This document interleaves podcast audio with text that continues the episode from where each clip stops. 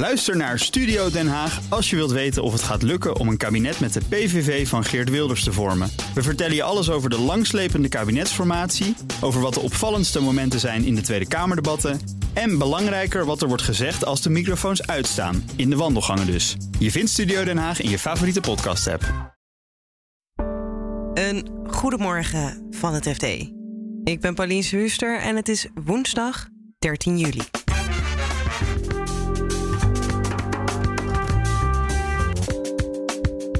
De ambities voor groene waterstof zijn torenhoog en er zijn genoeg plannen om fabrieken te bouwen die op de tekentafel liggen. Maar er zijn nog maar heel weinig bedrijven die echt hebben gezegd en ook de financiering hebben rondgekregen om een eh, fabriek te gaan bouwen. En voor het eerst in 20 jaar was de euro evenveel waard als de dollar. Om een beetje houvast te krijgen op die valutemarkt uh, wordt er toch graag gekeken naar bepaalde uh, mijlpalen. En dit is wel zo'n mijlpaal. Dit is de dagkoers van het FD.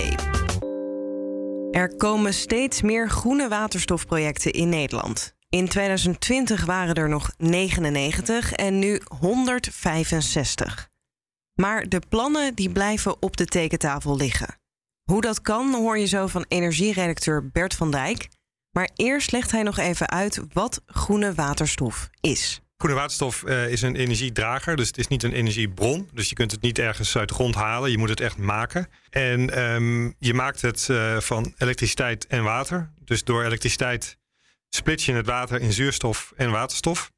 En de waterstof, daar kun je gebruiken als uh, alternatief voor aardgas, wat dus fossiel is. Dus als je aardgas verbrandt, dan komt er CO2 vrij. Maar als je waterstof verbrandt, komt er geen CO2 vrij.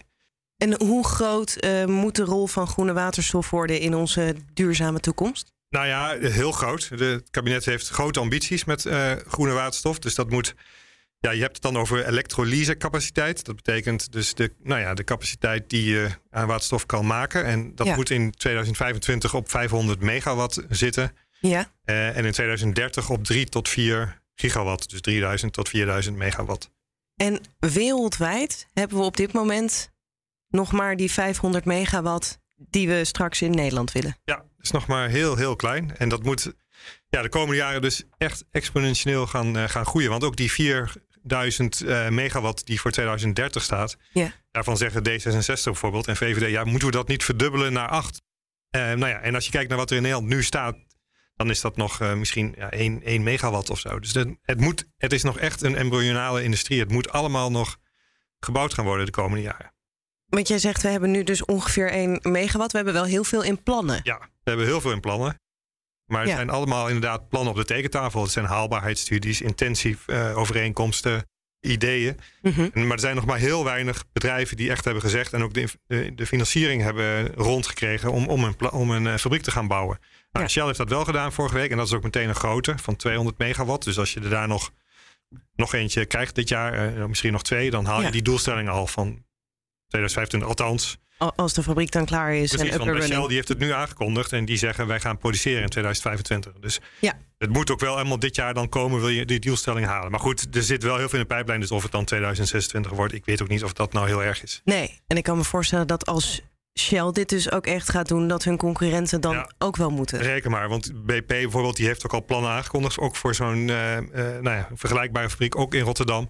Nou ja, en als Shell dit doet, ik ik durfde wel een weddenschap op af te sluiten dat ook zij op een gegeven moment met groen licht komen. Ja, nou, dan moeten we even bedenken wanneer, uh, wanneer die weddenschap uh, dan afloopt. Als we even gaan naar. Want jij zegt heel veel blijven uh, op de tekentafel of zijn nu nog op de tekentafel. Wat is dan de grootste bottleneck voor die plannen? Nou ja, het zijn een aantal bottlenecks. Het, het, er is nog heel veel onduidelijk over vergunningen en over beleid. En, nou ja, maar de belangrijkste is denk ik toch uiteindelijk geld. Dus hoe ga je geld verdienen met waterstof? En dat is voor heel veel bedrijven en projecten is dat heel moeilijk, omdat je, ja, het is er nog niet. Dus je weet ook niet, uh, want voor groene, wa om waterstof te maken heb je groene elektriciteit nodig. Ja. Nou ja, daarvoor bouwen we allemaal windparken.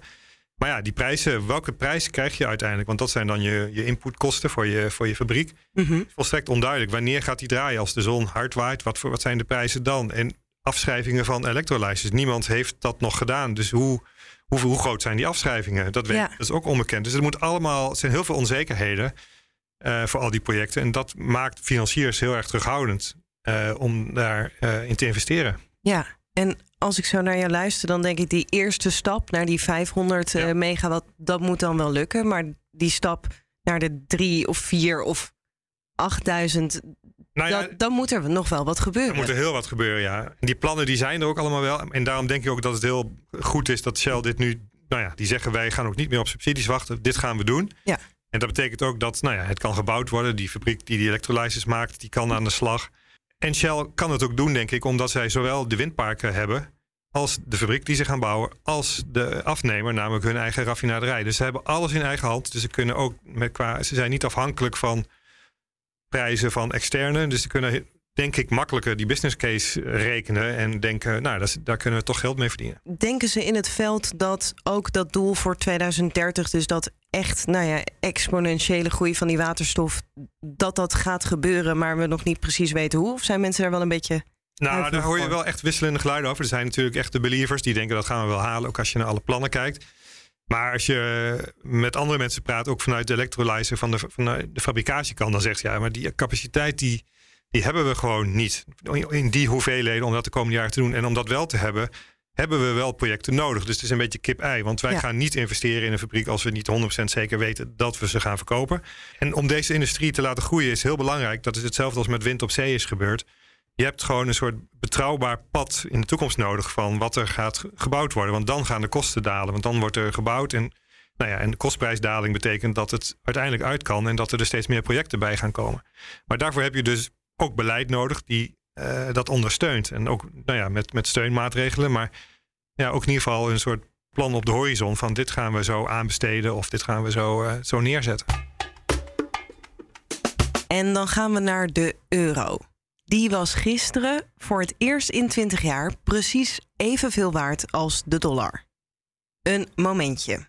Ook voor onze macro-economie-redacteur Marijn Jongsma. Het grappige is dat we ons uh, ten tijde van de coronacrisis eerst nog zorgden maakten dat de euro te sterk werd ten opzichte van de dollar. Uh, omdat het erop leek dat de VS heel veel last hadden van de crisis. maar het sentiment is totaal omgeslagen. En dat heeft voor een groot deel toch te maken ook met de oorlog in Oekraïne. Um, we steven af op een uh, energiecrisis. En dat zie je al terug in de, de handelscijfers.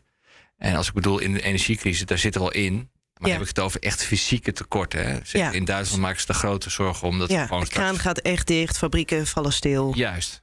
En nu is het al zo dat we heel veel uh, energie moeten importeren tegen veel hogere prijzen dan voorheen. Dat heeft de handelsbalans van de, van de eurozone totaal doen omslaan. Dus we hebben nu een stevig tekort in plaats van een overschot, al mhm. maanden op rij.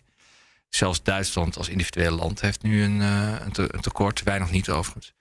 Um, dus dat betekent veel aanbod van euro's. Een zwakke handelsbalans is, is slecht voor je munt, om het zo maar te zeggen. Mm ja, en als inderdaad, zoals je net zelf zegt, uh, fabrieken komen stil te vallen, ja, dan komt ook je export nog eens onder druk te staan. Dus, dus dure importen, uh, exporten onder druk, omdat je eenvoudigweg niet kunt produceren. Nou, dat, dat uh, ja, als het zover komt, ja, dat zou natuurlijk een dramatische situatie zijn. En dat zie je al, al deels een beetje terug in die, in die koers.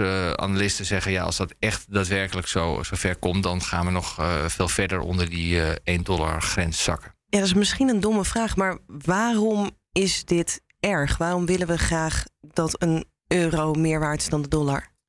Nou, om te beginnen is zeg maar die waardedaling een, uh, een teken van de problemen in de eurozone. Hè? Dus in die zin is het een weerspiegeling van, van de problemen waar we in zitten. Dus in die zin is het al een slecht teken. Um, maar om op jouw vraag, uh, directe vraag terug te komen, het verergert wel de problemen. Want een zwakke munt betekent ook dat je nog meer moet gaan betalen voor je importen. En dat ook de inflatie, die al heel hoog is, hè, daar, hebben we het eerder over gehad. ECB die worstelt daar nu enorm mee. Hoe kunnen we die geest weer terug in de fles krijgen? Met een zwakke munt uh, importeer je duurdere goederen. Dus je importeert inflatie, zeg maar. Dus het maakt het probleem er alleen maar uh, erger op. Kijk, het omgekeerde van, van de, van de uh, goedkopere euro is een duurdere dollar. Hè? Dus, dus alles wat je in dollars koopt, ben je gewoon meer euro's voor kwijt. Ja. En is het dan ook de verwachting dat omdat we nu die één op één hebben gehaald, dat dit sneeuwbalt en dat het alleen maar erger wordt? Dat we alleen maar meer dalen met de euro? Nou, kijk, er zijn natuurlijk wel bepaalde natuurlijke niveaus uh, waar, waar je niet overheen komt. Het is niet zo dat dit alleen maar erger gaat worden. dat denk ik niet. het grappige is eigenlijk dat de valutemarkten zijn heel dynamisch. En die lopen altijd heel sterk vooruit op wat komen gaat. Ja. Dus heel veel ellende waar we nog niet in zitten, zit al voor een deel in die koers verwerkt. Uh, dus als die ellende er eenmaal is, wil het niet automatisch zeggen dat dan het allemaal nog veel erger gaat worden met de euro. Want, want ja, we lopen die, een beetje die kijkt vooruit. Ja, ja, precies. Kunnen, kunnen we nou zeggen dat het heel veel zegt dat we dit uh, gisteren die mijlpaal hebben gehaald? Nou, toch wel. Want uh, om een beetje houvast te krijgen op die valutemarkten, uh, wordt er toch graag gekeken naar bepaalde mijlpalen. En dit is wel zo'n mijlpaal.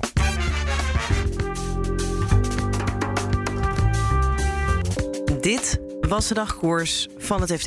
We zijn er elke werkdag, dus morgenochtend staan we weer voor je klaar in je favoriete podcast-app. Als je even abonneert of volgt als je luistert bij Spotify. En tot die tijd kun je natuurlijk alles lezen over waterstof en de koers van de euro op fd.nl. En daar volg je ook het laatste financieel-economisch nieuws. Voor nu een hele fijne dag en graag tot morgen. BNR ben je altijd als eerste op de hoogte van het laatste nieuws. Luister dagelijks live via internet. Bas van Werven. En heel langzaam komt de zon op rond dit tijdstip. Je krijgt inzicht in de dag die komt op BNR, het Binnenhof in Nederland en de rest van de wereld. De Ochtendspits. Voor de beste start van je werkdag. Blijf scherp en mis niets.